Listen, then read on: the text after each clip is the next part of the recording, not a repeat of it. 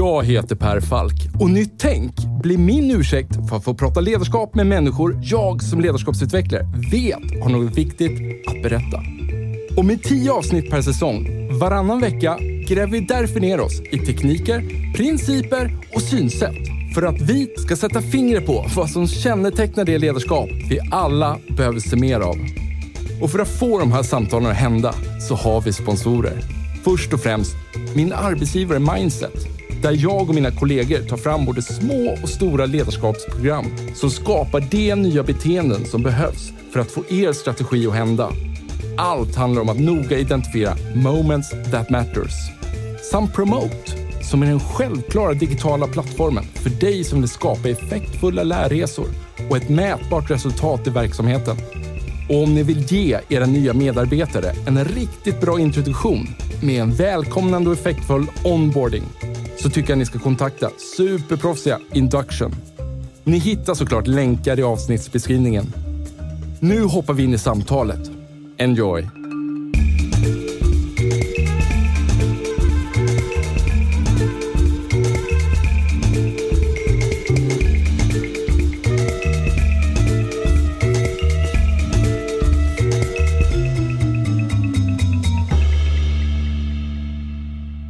Linda, du är den enda som jag pratar i telefon med och som har ursäktat något oljud i bakgrunden med orden att ursäkta, det är några delfiner som håller på och pratar. Hörde du dem?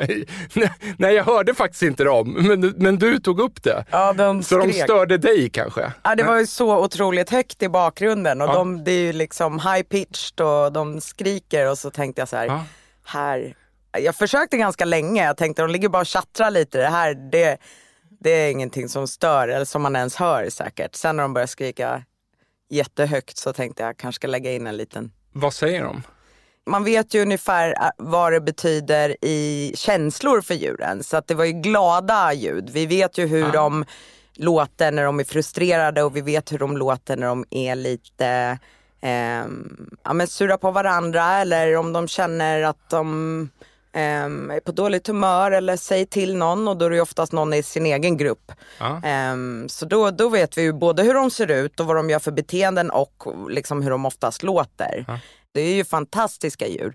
Och nyfikna, glada, de är komplexa. Stora, tunga, komplexa hjärnor. Vi vet att de har någon form av kommunikation med varandra. De har ekolod. Eh, och det är jättemycket vi inte kan om dem. Ja. Det finns ju eh, tester som går ut på att en delfin får reda på vad de ska göra. Alltså att man ger, man sätter upp en vägg mellan två delfiner men de är i samma bassäng. Men delfin 1 får inga signaler från tränaren. Ja.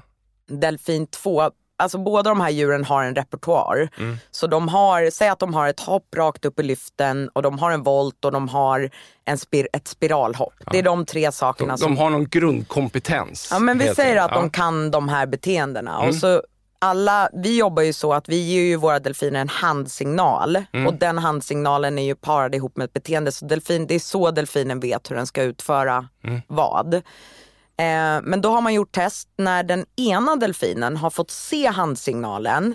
Och sen skickar man iväg båda och båda kommer upp och gör samma beteende. Och det, Så coolt. Ja precis, det är så coolt. Och det tyder ju någonstans på att de har ju på ett eller annat sätt så förmedlar ja. den delfinen som får signalen från tränaren vad som gäller, Ja, vad vi ska göra ja. nu. Det är så, alltså man, man och, och att det, det, det är så fascinerande det och, och man blir ödmjuk för att den kommunikationen liksom flyger under radarn. Liksom att, att, vi, att vi inte riktigt kan... Hur kommunicerade de här? Men de gjorde det de Ja. facto. Ja.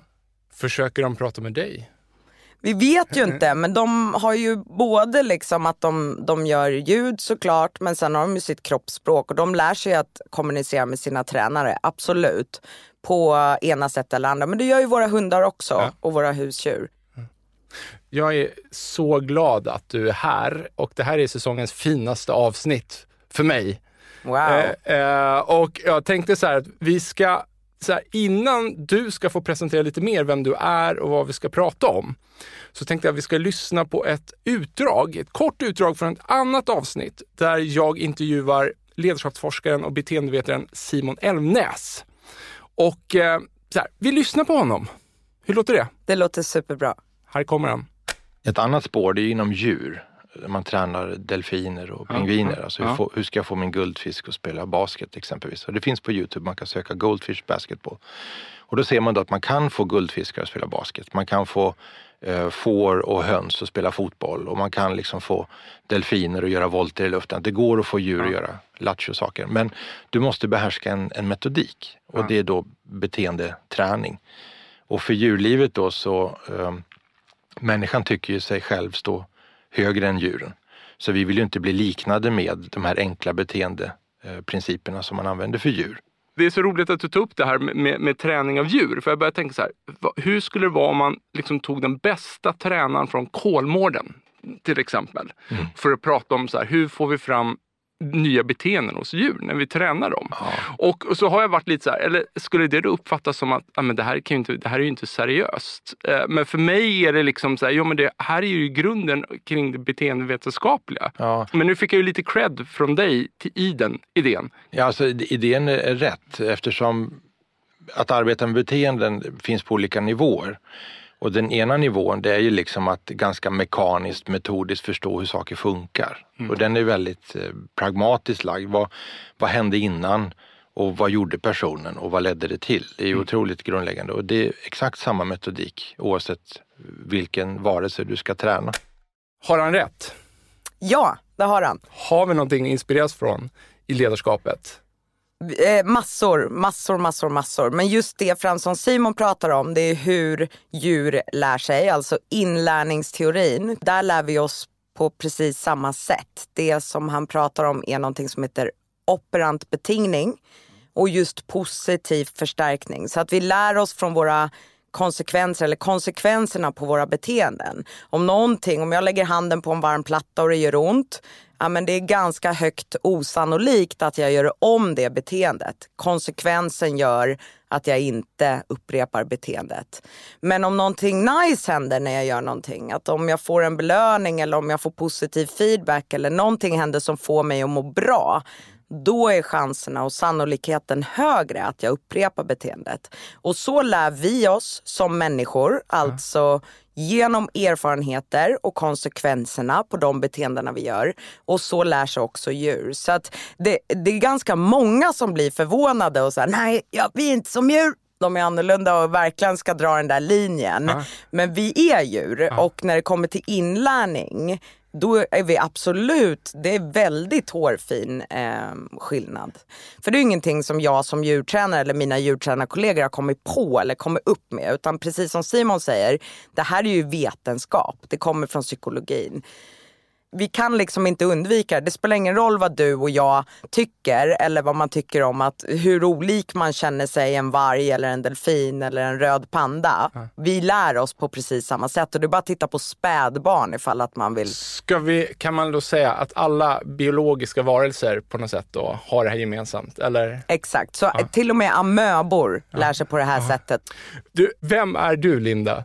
Jag är Linda Berggren. Jag jobbar idag som verksamhetschef på Kolmårdens djurpark. Så ansvarig över våra djurvårdare som tar hand om våra djur på den parken. Och jag flyttade tillbaka till Sverige 2016 efter att ha bott 17 år utomlands. Där jag har jobbat på djurparker bland annat. Eh, som djurtränare först med delfiner, sjölejon, papegojor, många olika däggdjur, fåglar. Och eh, sen vart jag chef 2010, tror jag att det var för tio år sedan. Och eh, gjorde precis som alla andra. Tänkte så här att ja, men, om någon inte förstår mig då säger jag det bara högre. Så borde de förstå. Den här klassikern att man blir chef för att man har gjort någonting länge. Ja men du är en bra djurtränare, du kan väl bli chef över djurtränare. Eller ja men du är, bra, du är en bra studiotekniker, kan inte du bli chef över de här studioteknikerna? Hur, hur gick det att säga någonting högre igen? Ja, nej men precis, exakt. Alltså, först då får man ju spendera så här något krisår med att tycka att alla andra är dumma i huvudet. Och sen så får man ju landa i att vänta, maybe it's not them, maybe it's me. eh, och det gjorde ju jag såklart. Men ganska snabbare, det med året är väl bara ett skämt där. För att jag jobbade ju med djur och hade gjort väldigt länge och djur kan ju inte prata tillbaka. Alltså du, du måste ju ansvara över hela interaktionen. När du är djurtränare med positiv förstärkning då har du ja, men flera olika verktyg men egentligen är det alltså det, hur bra du är på att belöna, mm. det är det som stärker beteende. Eh, du kan inte prata med dem, du kan inte be dem göra någonting utan det är liksom Funkar inte, då är det du som tränare som, som inte, du kan inte tillräckligt. Och det var ganska lätt då att, att landa i att, men vänta, det är ju precis samma sak för de människorna jag nu har ansvar för. Om jag ska vill få med dem att göra någonting eller vi ska göra det tillsammans, då är det ju eh, precis samma. Funkar inte det som jag gör, då är det ju inte dem det är fel på utan det är jag som måste utvärdera mina metoder. Eh, jag är helt övertygad om att, att vi inte ger djur tillräckligt med cred. Alltså vi är, vi, jag tror inte vi vågar eller, eller skulle orka eller, eller kan. Det blir för jobbigt för oss ifall att vi verkligen skulle landa i alltså hur fantastiska de är och hur lika vi är dem. För vi, det funkar inte med vårt samhälle. Ha, har du något wow-exempel på hur, hur lika de är oss? För att kittla fantasin lite. De, alltså varje gång man ser eh, mammor med barn och varje gång man ser djurmammor med ja. deras ungar, hur de skyddar dem och hur de är så olika som individer. Vi har eh, en delfinhona på mm, delfiner när de får ungar, då vill de oftast eh, dras undan lite. Så att vi separerar dem in till vår lagun som vi har på Kolmården när de ska föda. Men honorna är inte själva utan de har ofta med sig en, en, en som går bra med dem i flocken. Så att det är ju ah. väldigt sociala djur. Så ah. att två honor får oftast vara några veckor innan eh, den dräktiga honan ska föda simma ah. tillsammans. Så att hon, hon ska absolut Extra trygghet då? Precis, liksom. och de är sociala, de ska inte vara ensamma. Nej. Och det är så de skulle gjort i, i, i det vilda också. Att de simmar undan från gruppen och så får de sin kalv och sen ja. när kalven är lite större och starkare och, och, då, och då kommer de tillbaka till gruppen. Ja. Och det är för att kalven inte ska råka ut för några skador när den är i den stora delfinflocken. Um, om det är en oerfaren dräktig hona, så mm. säg att hon är förstföderska. Mm. Då kan man ge henne sällskapet av en mer erfaren hona. Och då håller den erfarna honan den yngre honan lugn mm. och kan finnas där och hjälpa till. Så mm. delfiner till exempel när de har fötts då puttar mamma upp kalven till ytan och en yes. oerfaren hona kanske inte är snabb eller lite klumpig. Ja. Man ser verkligen hur mycket bättre de blir ja. med erfarenhet och då finns den här erfarna honan där att hjälpa. Ja. Och är det en erfaren hona då kanske man har med en yngre hona som sällskap. Alltså att de får vara tillsammans för att den yngre honan ska få se och lära sig. Och ja. schimpansflockar till exempel fungerar ju väldigt lika. Att de lär sig väldigt mycket genom att se. Och det är en annan typ av lärning, inlärning än den vi pratade om tidigare.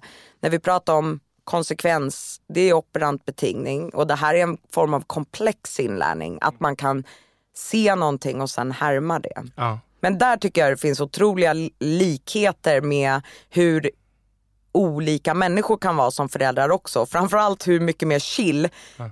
mammor blir när de får sitt andra eller tredje ja, barn. Ja. Och det, jag har inga egna barn men jag ser ju det här i mina vänner. Att det är ju eh, det blir liksom... Och så tycker jag att det andra barnet blir lite mer chill, Exakt. kanske i sig, för att mamman är mer chill, eller föräldrarna. Alltså att det blir en Ja, Positiv det, följdeffekt. Så kan det absolut bli. Men med delfinerna då, de är väldigt in, individuellt olika. Så vi har en hona, Ariel heter hon, hon är så fort hennes kalvar är födda så älskar hon att lämna bort dem till den här uh, kompisen som hon har med sig. Ja. Um, så att hon tröttnar ganska snart på att vara mamma. Hon får väldigt självständiga och modiga kalvar som ta kontakt med tränarna från en tidig ålder och hon har full tillit till allt och alla runt sig. Så ja. hon bara, tack jag simmar här borta, ni får jättegärna ta hand om Medan andra mammor kan vara lite mer beskyddande? Då, Exakt. Ja. Sen har vi andra honor som är helt annorlunda. Att det, mm. De släpper inte sin kalv i en sekund. En nördig fråga, men jag blir bara så nyfiken. Du sa om, om det är en äldre föreslagare och en oerfaren eh, förstföderska här, eller vad man ska kalla det för. Och du sa att den har en lugnande effekt också. Hur, hur, lugn, hur, hur lugnar delfiner varandra? De håller hand. Ja. De har ju de här, de har ju fenor ja. och de har ju Sidfenorna. Precis, liksom. ja. och på ryggen och, och de håller gärna eh, kontakt med varandra fysiskt genom fenorna och, och stryker varandra och mm. simmar mm. och, och, håller den här kontakten. De synkroniserar sin andning och man kan höra att de svarar på varandras visslor. Så. De har, varje delfin har en, en unik signaturvissla som vi kan identifiera med våra namn. Så det finns inte en delfin som har en exakt samma vissla. Och mamman börjar vissla sin vissla redan när kalven ligger i hennes mage för att kalven ska känna igen Just den. det. Och sen får kalven sin egen signaturvissling. Och mamman kan ropa på kalven med signaturvissling och kalven kan ropa på mamma. Och det kan även de andra flockmedlemmarna.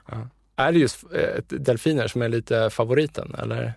Nej, det skulle inte jag säga. Nu eh, låter jag väl crazy, för det är ju mångas favorit och jag tycker de är fantastiska djur. Men jag, har, jag faller för de flesta djuren jag jobbar med. Så att det kan vara, eh, delfiner är underbara. Jag har eh, en riktigt svag punkt för korpar och kråkfåglar. Ja. Mm. Why? Ja, jag, vill du höra en spännande träningshistoria? Ja, kör. Så jag har tränat korpar och korpar och kråkfåglar har någonting som på engelska, jag vet inte vad det heter på svenska, men det heter stashing. Alltså att de, de sparar mat så att de samlar gärna in mat och sen... s- Man så, lägger det på hög. Mm, Precis, Stashar på något precis, sätt. Ja. precis. Men de gör det så att de gräver ner det och de sticker in det under bark liksom, och gömmer det och sen så återgår de till det ute i fritt tillstånd och så återgår de till det när det, där det är lite mindre mat, så vintertid. Men i, i, när man har dem i djurpark då får de ju mat varje dag och även om det är ont om mat för att det är vinter så är det ju aldrig ont om mat i en djurpark. Och eh, vi tränade den här korpen eh, ganska liksom, ja, men grundläggande hanteringsbeteenden, att kunna gå upp på en våg och sådär. Så att vi skulle kunna få vikter på dem och kunna ta hand om dem väl. Och eh, den eh, var ju jättelätt eh, lärd. Eh, vi belönade med kött och, syrsor, insekter och frukt och grönt lite blandat. De äter väldigt mycket olika, olika sorters mat. Men den här korpen lärde sig ganska snabbt så att ibland så kunde han ta en bit mat som belöning och hoppa iväg och gömma det någonstans. Och det kunde vara till och med liksom ett hål i väggen som man hackade sönder och tryck ner den här maten. Eller under en sten eller någonstans i, i hans anläggning. Och så kom han tillbaka och så sa han, "Nej, men jag är redo att köra igen. Och vi tänker, ja men är det belönande för honom, då får ju han göra så. Det fin- jag kan ju inte bestämma att han måste äta upp köttet han får som belöning. Utan det är ju, vill han hellre gömma det, då är det ju det som är belönande. Men det jag insåg efter ett tag, det var ju att, men vänta, han tyckte ju vissa beteenden var roligare att göra än andra. Och det är ganska normalt. Men, n- Så det han snabbt började göra, det var ju att börja vägra att göra dem. Och så Eh, gick han till förrådet istället. Exakt, exakt. Så han strunt, han bara nej, vågen, nej, jag tycker den är tråkig att sitta still på. Jag går och belönar mig, du kan fundera vad jag ska göra efter det. Klockrent. Hur, och så hur jobbar du förbi det då? Nej, det, det handlar ju om motiv- att motivera. Det är ju jättebra signaler. Det är det som kommer med att ta ansvar för interaktionen. Han har ju talat om, utan att säga ett ord, att du behöver bli bättre. Det här är inte good enough. Och då är det ju bara att anpassa sig.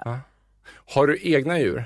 Jag har en hund nu, en, hund. boxer. Ja, jag tyckte kontorshunden Jackson här, den, den var lite på dig lite extra precis när du kom. Då tänkte jag att du kanske luktade något spännande. Ja, och i sådana fall är det eh, boxer, två år. Hur, hur tränar du den? Alltså det, konsekvensen på beteenden är ju det som antingen bestraffar ett beteende eller belönar. Jag är ju väldigt mycket förespråkare av att belöna beteende. Jag tycker att vi kan tillräckligt mycket om inlärningsteori i, idag, 2021.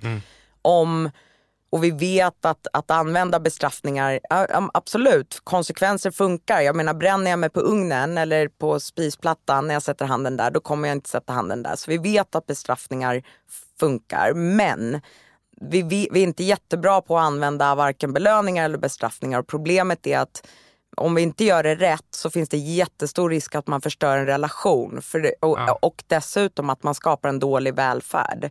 För det blir lätt att man bara går och och eh, ja, men tittar efter vad som är fel. Där, där passar inte mig blir det oftast. Liksom. Det blir oftast filosofin. Att vad passar mig? Om någonting inte passar mig då kanske jag gapar och skriker eller försöker bestraffa eller blir sur eller frustrerad eller arg.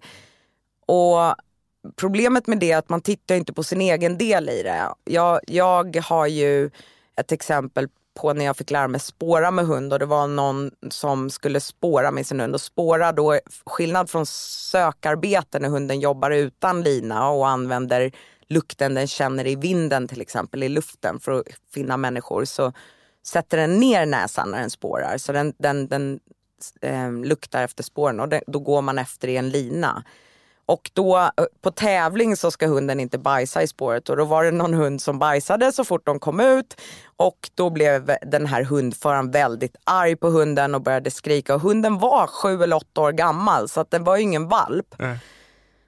Och i en sån situation så är det ju, då ska man ju bara veta att när, du, när man tar till bestraffningar, det man har glömt att göra är utvärderas. Det fanns ju en väldigt enkel grej. Om, om man hade utvärderat sitt eget beteende, då finns det ju en sak som man hade kunnat gjort där innan kanske. Har du någon gissning av vad det kanske kunde ha varit? Um, ja, hjälp mig. Ja, man rasta hunden innan. Jaha, jaha. Såklart! Såklart. Ja. Eh, och det, blir, det, det, det, är ett bra och tydligt exempel. Det här är ju inte för att hänga ut någon eller några utan det är ju ett bra exempel bara när man använder mycket bestraffningar, att man inte tar ansvar för alltså, inlärningen. Nej. Och gör, tittar man istället på hur kan jag förebygga det här? För hunden är åtta år gammal så hade, hade den lärt sig någonting om att inte bajsa i spåret så hade den inte gjort det. Men att den gör det betyder att det, det, den har inte förstått vad du har menat. Jag tänker, det måste ju vara nackdelen med en bestraffning. Att okej, okay, den kanske, då i det här fallet en hund, kanske förstår att okej, okay, det där ska jag inte göra då, tydligen. Men den har ju heller inte riktigt förstått vad den förväntas göra heller. Precis. Det är ju bara genom belöningen som den fattar vad den ska göra. Precis, och det är en, det är en sån sak som ofta nämns när man pratar positiv förstärkning versus bestraffning. Alltså vilken, vad är för och nackdelar med båda de här inlärningsmetoderna? Och då brukar man alltid säga det att problemet med bestraffning det är ju att det talar ju inte om för hunden vad den ska göra eller personen utan eh, det är ju bara okej okay, det här. Och sen så kan man, man fastnar ju oftast i att de gör, alltså det kommer ju in till det där med känslor igen. Mm. Och att man gapar eller blir frustrerad eller arg eller skriker eller rycker i kopplet. Utvärderar man inte beteendet, sker beteendet och fortsätter det ske, då är det inte bestraffat utan då är det och, och då är det så mycket energi som går på att gapa och skrika och rycka i koppel. Så det är också, ja. det blir ju bara tråkig relation.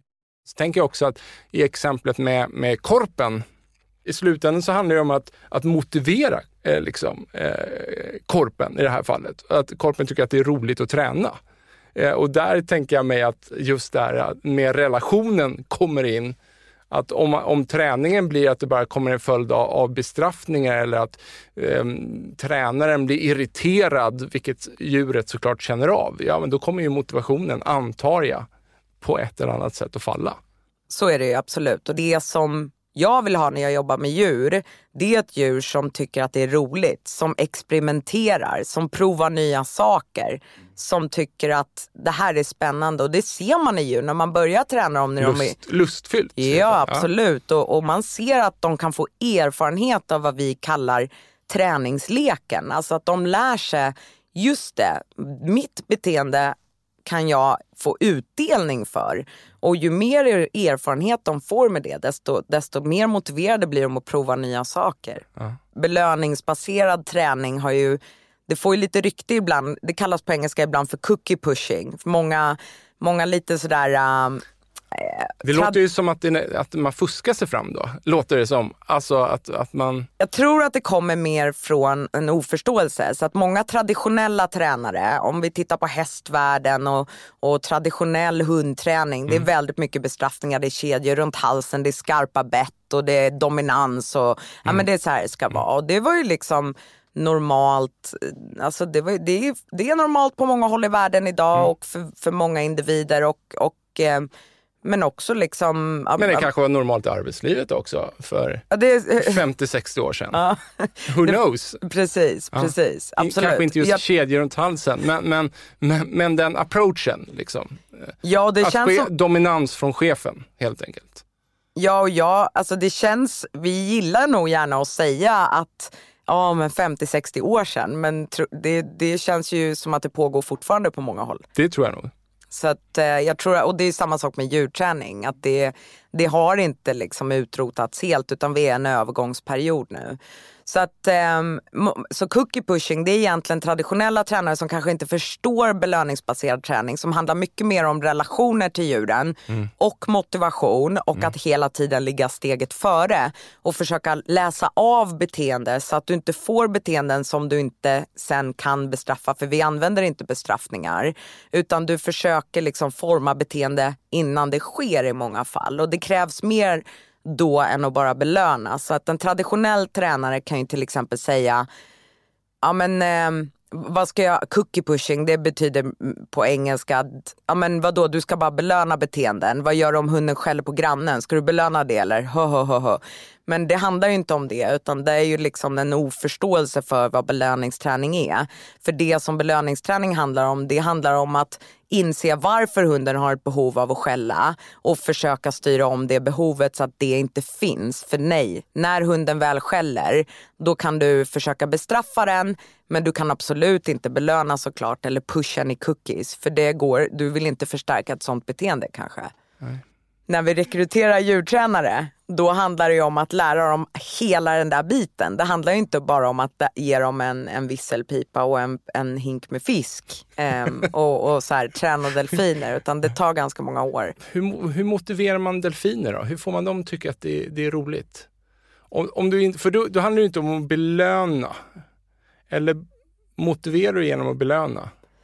Alltså eh, när vi pratar motivering, då eh, pratar vi dopamin. Uh. Och det har du hört om förut gissar jag. Yes. Det finns massor med vetenskap där ute på att när vi jobbar för någonting, alltså innan vi får, precis innan vi får vår belöning, mm. då mår vi som bäst. Mm. Så det handlar inte om pengarna på kontot, det handlar om mm. arbetet fram tills dess. Ah.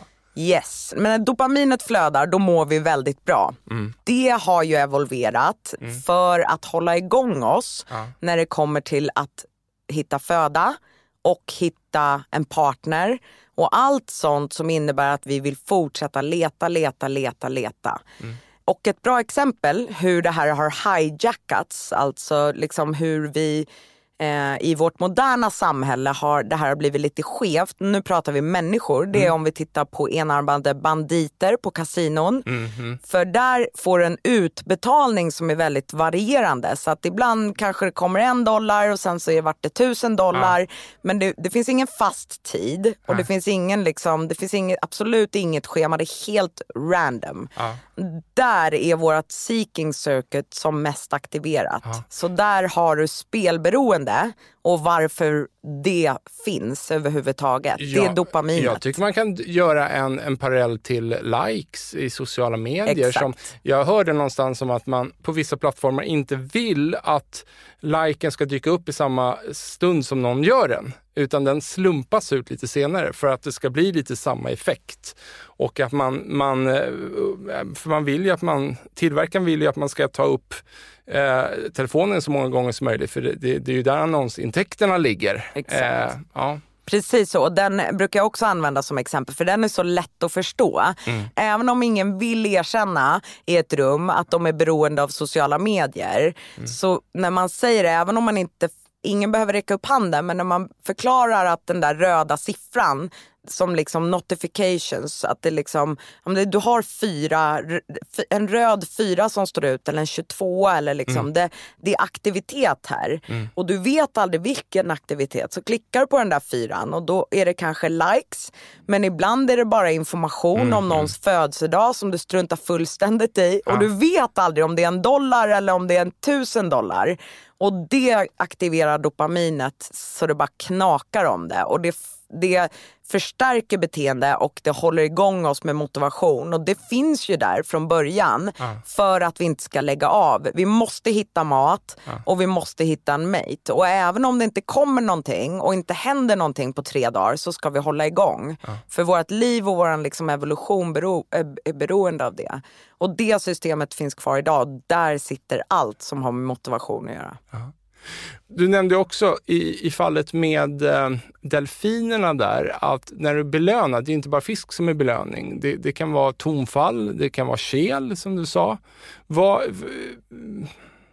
när använder man vilken belöning? Och är det olika, behöver olika delfiner olika mycket kel?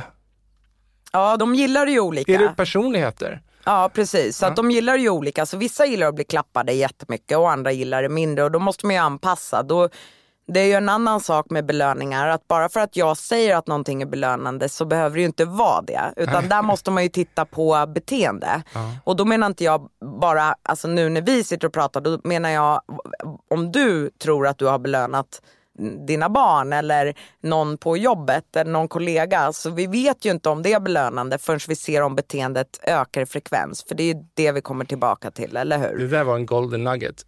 Riktigt klartänkt. Yes. Ja. ja. Och det är ju det vi ofta fastnar i. Att jag har gjort det här och jag har gjort det här. Och, och, och eh, Man belönar på ett sätt. Absolut, och så och, går man där och, och, och, vilket funkar då på vissa individer i gruppen. Men, ja. Och bara en sån grej som att alltså, ta upp någon framför gruppen. Mm. Alltså man tror, till och med alltså, chefer och ledare som har evolverat till liksom face two, när man verkligen belönar. För det är ju många som inte gör det. Många ger ju inte positiv feedback eller belönar. Eller många företag har ju inte belöningssystem eh, och sådär. Utan man tycker att man ska, men här ska man jobba för att det är kul.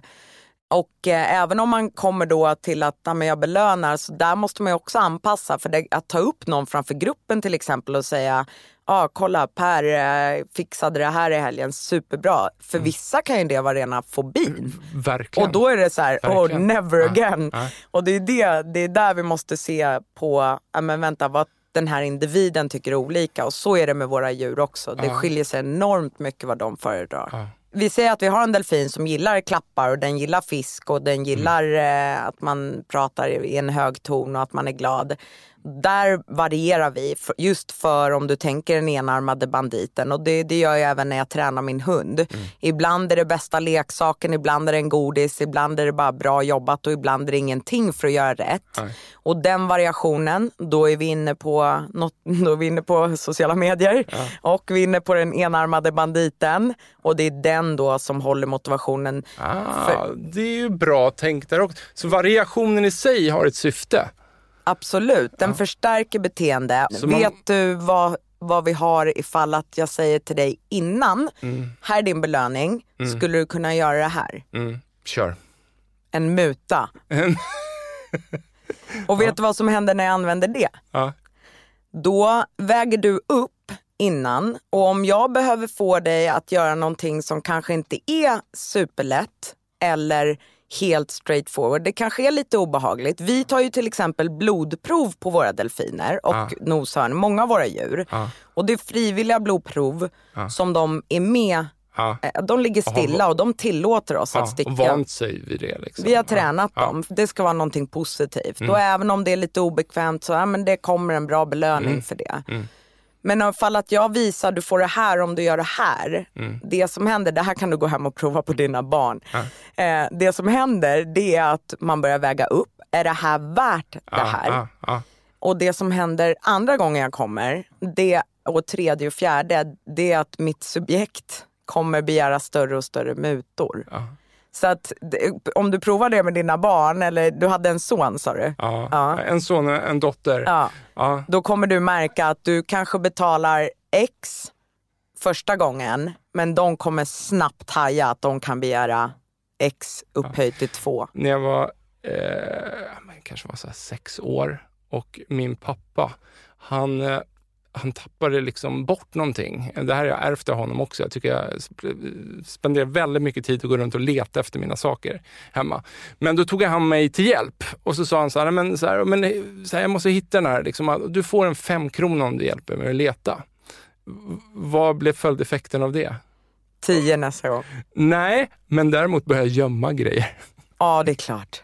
Eh, men va, liksom, va, varför gjorde jag det? Men, men, det blev ju så här, äh, vänta nu, om jag lägger undan den här så inte han hittar den här, ja. då kommer han ge mig en femma. Ja. Det, det blev, och nu menar jag, här var ju liksom ja, men fem, sex år däromkring. Liksom. Så jag var liten. Fantastiskt. Liksom. Men, men, det blev liksom, det var ingen, det var inte så mycket att jag pratade, hade en diskussion i huvudet om moral, utan det blev bara en liksom beteendeinlärning att okej, okay, en borttappad sak lika med fem kronor.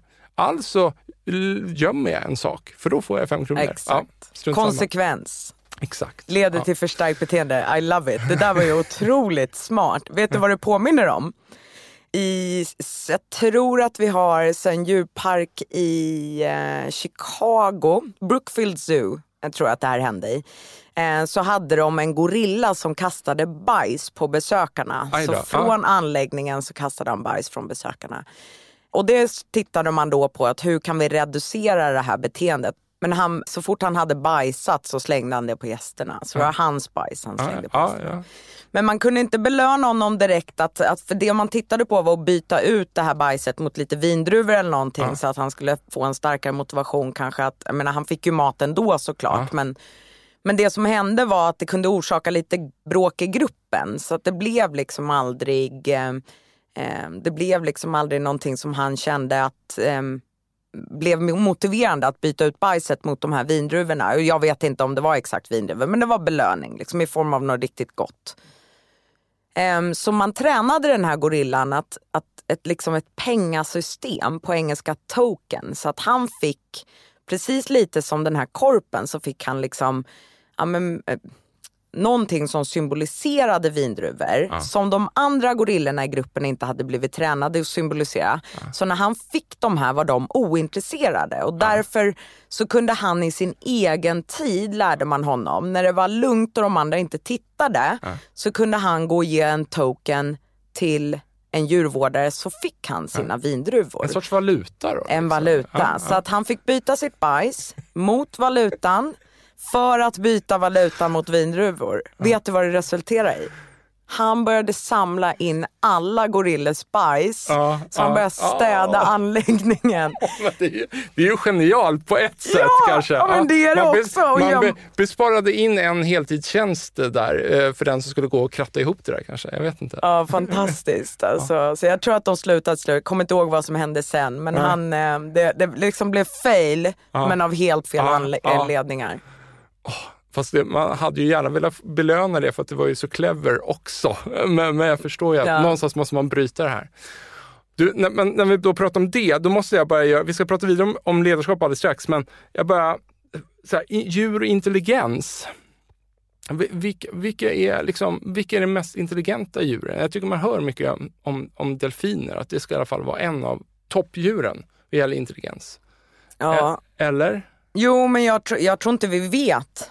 Um, jag tror att vi har tittat på komplexiteten på hjärnorna och ja. liksom beteende och på vilket sätt man lär sig ifall man har komplex inlärning. Ett test man har gjort är det här spegeltestet. Om ett djur kan känna igen sig själv i spegeln då anser man att det har liksom um, self recognition på engelska ja, ja, och, och då, då anses det ofta vara mer intelligent. Självmedvetenhet. Precis. Um, ja. Det, det, känns så, så farligt, sådana där grejer, för att det känns som vi tar med rätt mycket i, av vår tankevärld och in i testet i sig. Liksom. Precis. Ja, det finns ju ett uh, uttryck på engelska som heter If you judge a fish ja. by its ability to climb a tree, ja, it will spend its whole life thinking it's stupid. Ja. Och det är ju den att eh, varje djur är ju så intelligent som det behöver vara för att överleva och fortplanta sig i den miljön mm. som det har evolverat och anpassa sig. Mm. Alltså, jag vet inte, men skulle vi vara delfiner för en dag då skulle vi nog tycka människor var otroligt korkade. som inte kan göra volter i luften? Eller, uh, right, exakt. Eller se, uh, känna sig runt med ekolod. Liksom. Exakt. Eller hur? Men, men vad, jag bara blir nyfiken, så vad är resultatet av att sätta en spegel framför? Vilka djur? Eh, vi vet att schimpanser, apor, alltså great apes har ju det där. Delfiner har ju self-recognition. Um, Bläckfisk? Kråkfåglar, bläckfisk vet jag inte. Nej. Nej. för det är också ett sånt djur som kommer upp i många tester. Ja, men något, jag, jag tänkte um, så här, varför har man inte en bläckfiskshow? Varför har man en delfinshow? Men det är ju liksom, det är ju snabbhet och höjd i hoppen där. Det är kanske lite tråkigare att kolla på ett gäng bläckfiskar ja, jag, jag som tror det skulle jonglerar. vara superfascinerande att kolla på bläckfiskar. Ja. Uh, vad gäller och kråkor också, men inte andra fåglar utan är det just kråkor? Ja, fågl kråkfåglar är ju väldigt anpassningsbara. Mm. De, man, har ju, man har ju sett eh, de uppfinner mycket lekar och liksom anpassade till miljön de är. Jag vet inte om du har sett de kråkfåglarna som har lärt sig att... Sen är det ju många djur som har lärt sig många hacks för mm. den miljön de är mm. i. Absolut. Och delfiner och valar är ju, det finns ju många olika kulturer. Ja. Eh, och det gör det ju hos apor också. Ja. Eh, kråkfåglar har man ju sett eh, släppa nötter under bilarna i Japan. Det är en liten koloni som finns i en stad i Japan där de släpper nötterna, låter bilarna köra över dem för att komma åt innehållet. Så att, ja. det, och det finns ju bara hos dem. Det är bara den kulturen som har mm. utvecklat det. Mm. Men kultur finns det ju hos många olika djurarter. Så att jag, tror, jag tror inte ens vi har scratched the surface när det kommer till intelligens och djur. Jag läste, och nu, så här, nu är jag helt ute och cyklar, så avbryt mig om jag har helt fel eh, och, och jag kan ha missuppfattat någonting. Men jag läste en bok rätt nyligen som handlar liksom om ja, människans evolution på olika sätt. Då. Och så förklarar man där att ofta när man gör intelligenstester på, på apor så, så, så, så, säger man att ja, men upp till när, när en människa är så här runt 3-4, då börjar den ur ett mänskligt intelligensperspektiv rycka ifrån en vuxen schimpans eller liknande. Då. Men menar man på att oftast är det saker som har att göra när man mäter kunskap som vi människor lär varandra. Liksom, vi lär varandra att räkna. Vad är plus? Vad är två plus två? Det är en kunskap vi får över. Men så fort man börjar ställa en människa mot en apa, och allt återigen enligt den här boken då, i tester som vi, vi människor inte lär oss. I det här fallet var det att visa eller så snabba bilder och där med olika objekt utlagda. Eh, och man ska komma ihåg vart objekten var. Men när man började höjde frekvensen så att man visade vad objekten var under kortare tid, det bara blinkade till att snabbare, snabbare, då ryckte apan ifrån människan. Det var ju jättefascinerande. Så, och det indikerar ju någonstans att okej, okay, här fanns det då en intelligens som vi inte ens har tänkt på eller som vi inte ens kan ta in eller som vi inte riktigt har någon nytta av. Exakt. Har, har, du hört om det här också? Ja, och jag har sett det testet. Som ja. det, det, är som memory liksom. Ja, men, fast det, det bara går snabbt. De blink, får titta blink en sekund. Memory, liksom. Ja, precis.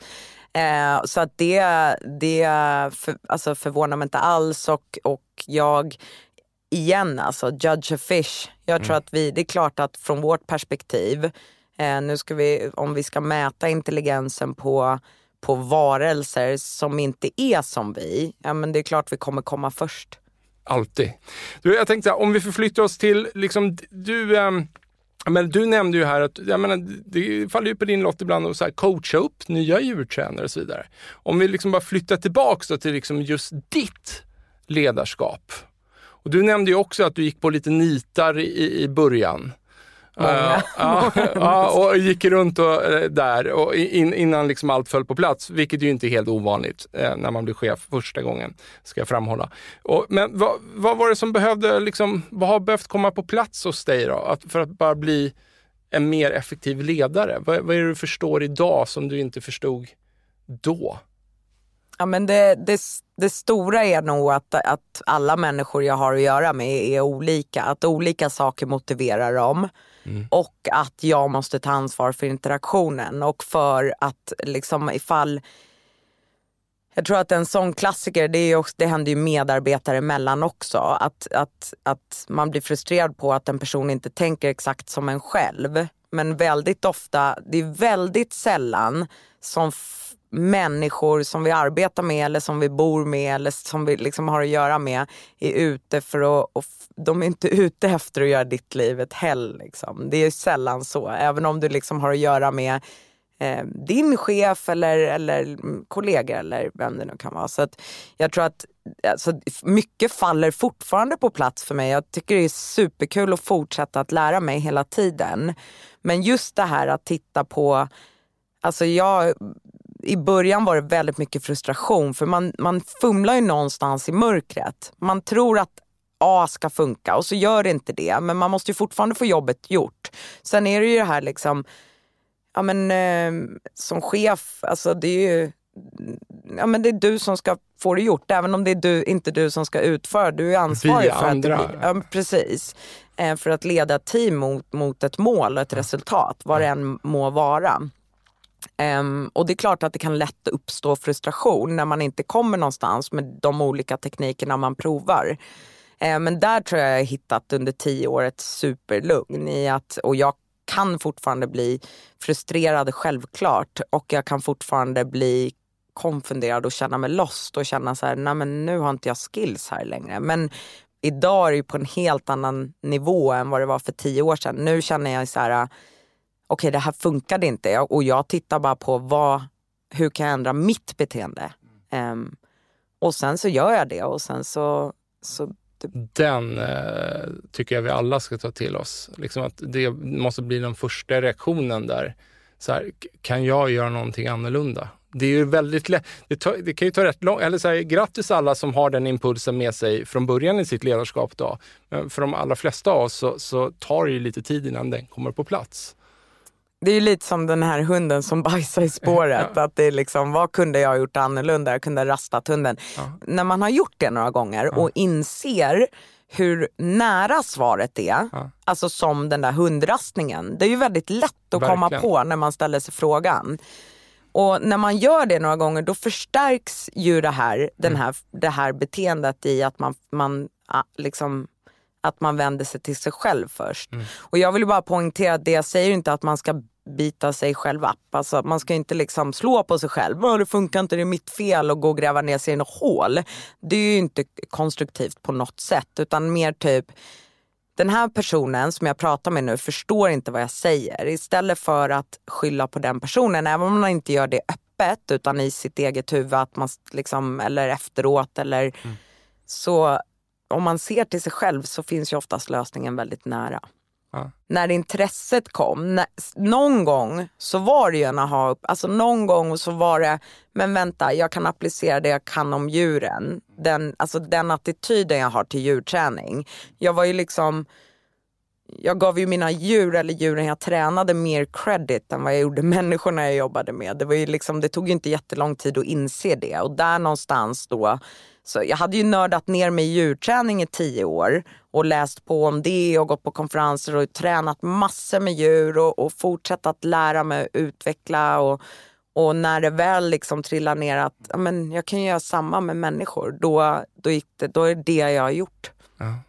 Så, så vad tar du med dig då direkt? För, för, för det första, jag måste bara säga, till exempel då, eller vi, vi tar exempel, om du ska coacha upp en ny djurtränare, en ny ung människa som kommer på plats. Vad, hur tänker du där kring, kring coaching och feedback? Jag tänker nog, för det första tänker jag redan i rekryteringsstadiet nu på ett helt annat sätt. Alltså jag tittar på äh, jättemycket mer personliga egenskaper än liksom kompetenser. Mm. Och jag vet att alla inte kan göra det. I vissa yrken så krävs det liksom jättestora kompetenser och för vissa roller och det gör det för oss också. Men, men jag tror att skillnaden är att i början mm. så var kompetenserna, jag trodde att hade man dem då hade man resten. Um, så, så vad, vad, vad, är, vad är resten då? Så vad är det du tittar efter? Ja men det, det är ju för, när vi pratar om djurtränare till exempel, då är det ju den här förmågan att, att eh, dels ha väldigt mycket empati för att vi jobbar med djur. Eh, men sen så är det ju också, ska vi coacha någon då är det ju också den förmågan att kunna bli coachad. Att, mm. att kunna ta åt sig, att kunna eh, men att, inte, att kunna ta feedback, att inte vara rädd för att ge feedback heller. Mm det praktiska kan man lära sig. Men mm. vad man gör med det, det är ju det som, alltså, det är de här mjuka delarna. Men jag tror att det är samma för, alltså om man ska anställa en chef till exempel, en ledare. Mm. Ja men är det någon som, som kan bygga relationer med människor till exempel. Det är för mig viktigare än någon som är organiserad. För man kan lära människor att organisera sig själva. Så det ger liksom kommunikation, att motivera människor, att kunna kommunicera med människor. Du ser det som lite svårare att lära sig då? Alltså grundförutsättningarna måste finnas där.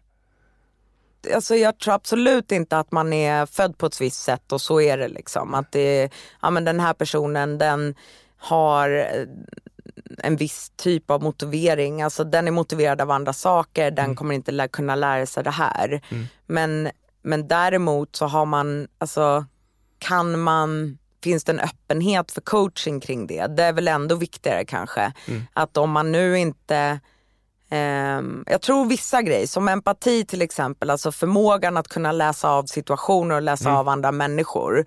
Varför, alltså empati är ju fint att ha i alla situationer men mm. empati med djur, mm. en människa som är bra på att läsa icke-verbala signaler ja. hos människor, ja.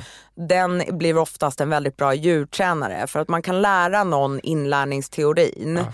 Men kommer du ihåg när vi pratade om att fatta beslut innan problembeteendena händer? Att kunna liksom styra om och, och, när det kommer till det då är det viktigt att kunna läsa av djuren. Och vi pratar också om att delfiner har ju inga Alltså de har ju inga ansiktsuttryck, Nej. tror man. Men de kommunicerar otroligt mycket med sin andning, med sin kroppshållning, med sina ögon.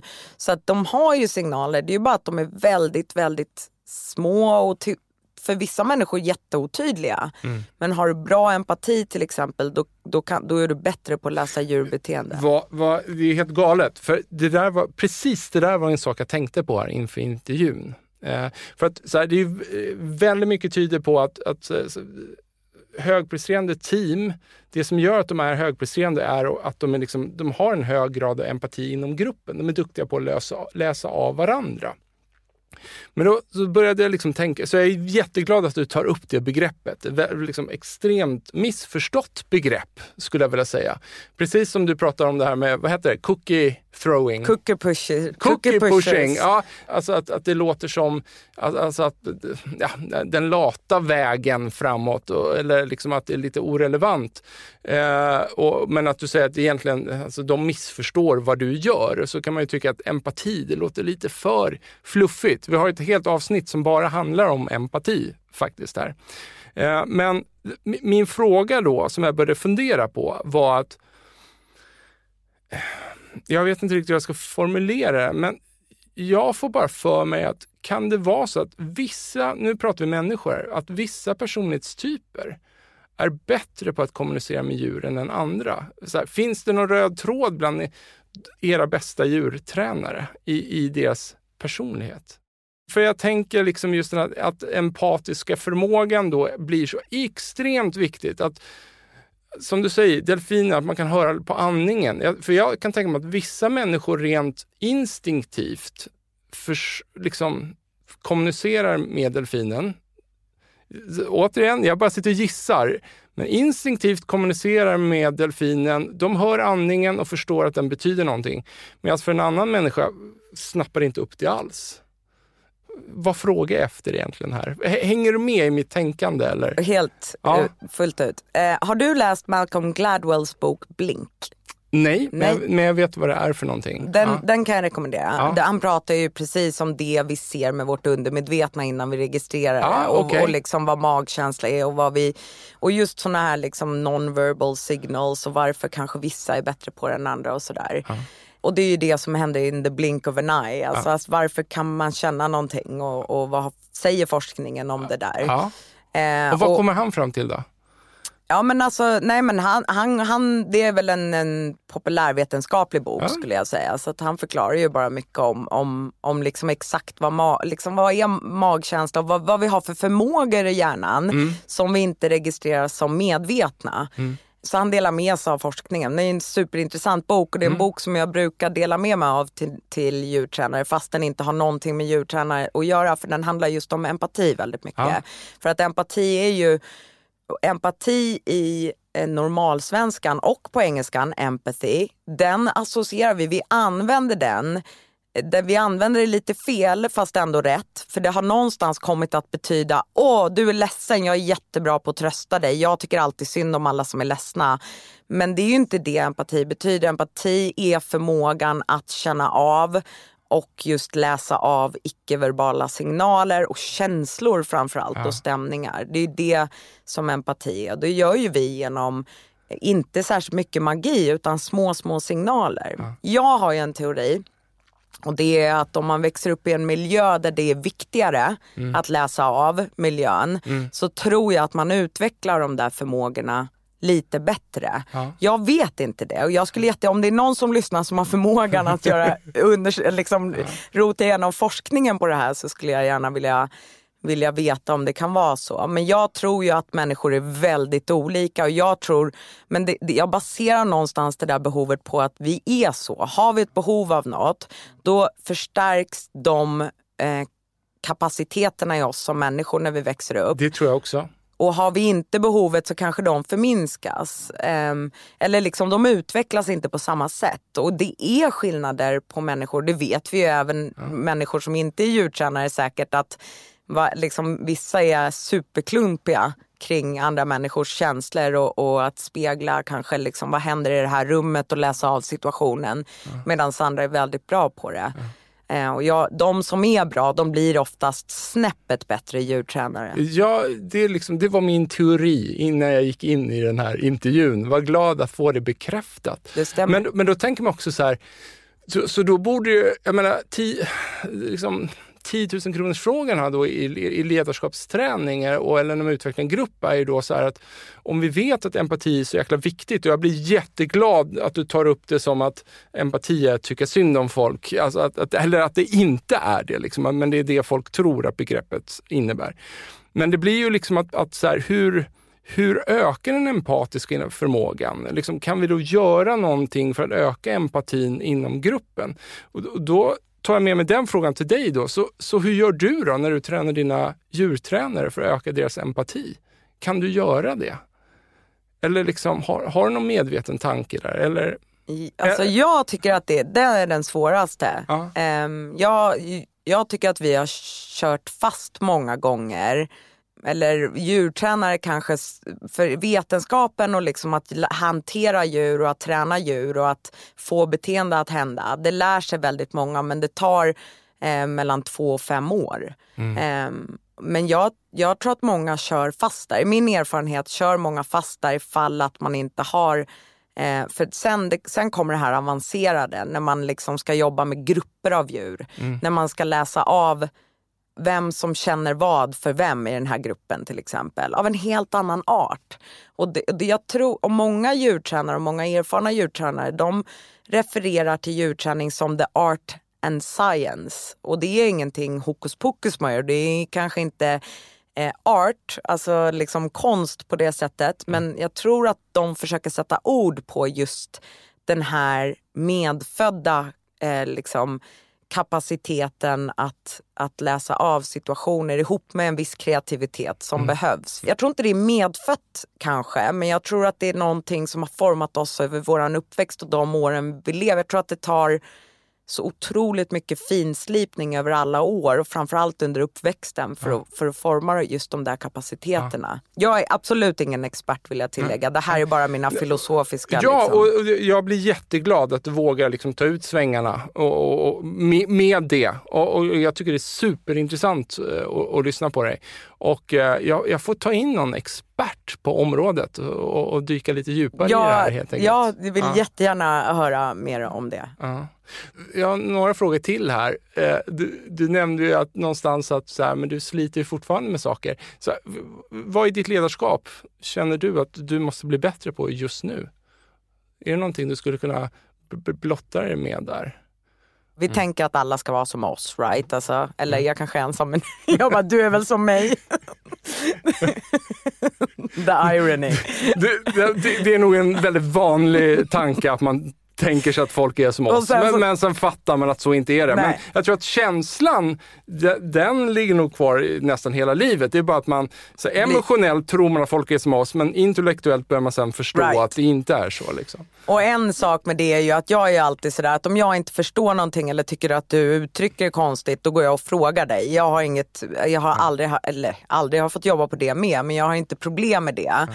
Och förväntar mig lite samma. Jag förväntar mig att jag, jag, jag går aldrig ut med att så här, nu ska jag vara otrevlig eller nu ska jag liksom köra över någon utan jag, jag försöker hela, alltså det, och jag gör inte det, det låter som jag är helt omöjlig att ha att göra med, absolut inte. Men däremot så när jag uttrycker mig så, så pratar jag bara med dig och om ja. jag säger någonting som du tycker låter konstigt eller ja. som du tycker så här, men vänta vad menar du med det här? Ja då förväntar jag mig, för jag tror att du är som mig, att du kommer att säga det till mig. Och Ja. det måste jag jobba på, att alla gör inte Nej. det. Ehm, och därför så kanske jag måste ta lite mer ansvar för den biten också. Men det här är ju inte hela tiden, men Nej, det kan ju nej, vara framförallt i så engagerade eh, diskussioner där jag kanske så här bam, bam, bam och kanske lite bråttom och lite stressad. Då går det liksom på lite extra.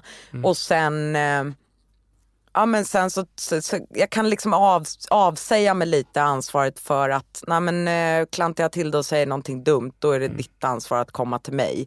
Och då har jag någonstans wiped my hands clean. Bara för att du hade gjort det ifall någon hade kommunicerat Right. på det sättet till dig. och, då, och det kan väl, det är väl lite unfair Så, kanske. så uppmuntringen till din personal då, om de lyssnar här, är, är att, in, att våga säga till då? då?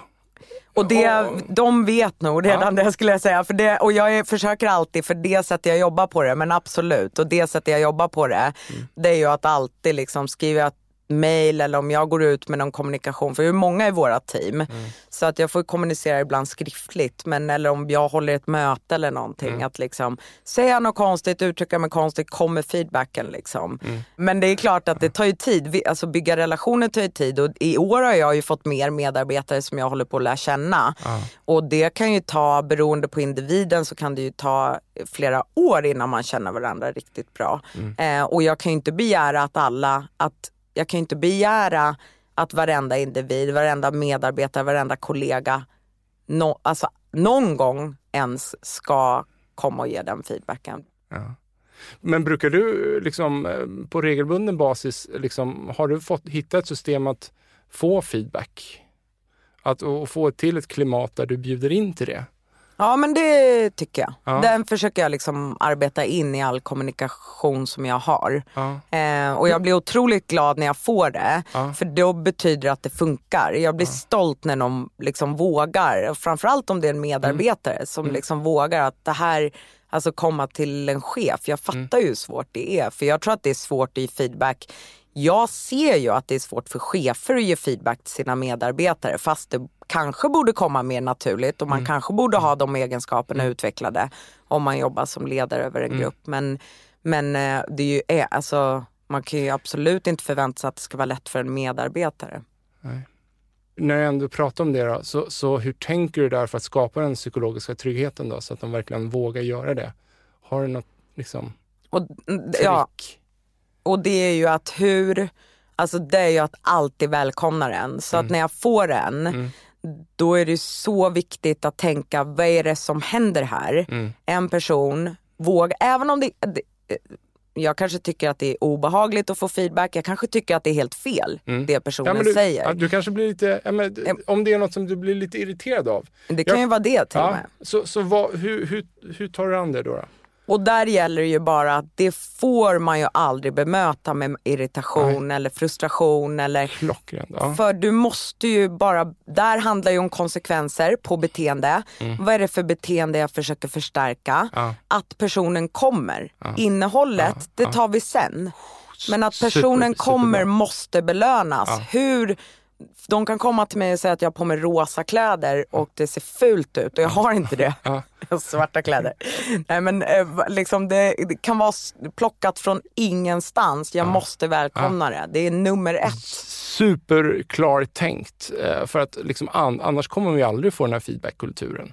Och om jag bara ska hålla med om det som folk kommer ge mig feedback på, it ain't gonna happen. Nej och, ge med, och jag, liksom det här att med en gång gå in i försvar tror jag är så naturligt mänskligt. Ehm, och det är ju att gå in i försvar eller att inte hålla med eller att förklara. Det är irrelevant att typ förklara varför jag inte lyssnade den där gången eller varför jag sa som jag gjorde. Utan nu är det bara tack, superbra. Så jäkla bra avsnitt. Eh, vi har pratat om så mycket och jag är så enormt glad att vi fick in empati där. Jag visste inte om jag En vågade... länk, Eh, om, jag, liksom. ja, men om jag vågade ens dra upp det där. Liksom. Jag är så glad att du nappade på det. Ska vi sammanfatta det med så här, så här, så här, satsa på pos- positiv förstärkning och har du rastat hunden? Det blir superbra. Bajsa inte i spåret. Bajsa inte spåret. Hörni, tack till våra sponsorer Mindset, Promote samt Induction för att ni tror på den här produktionen. Ta hand om er.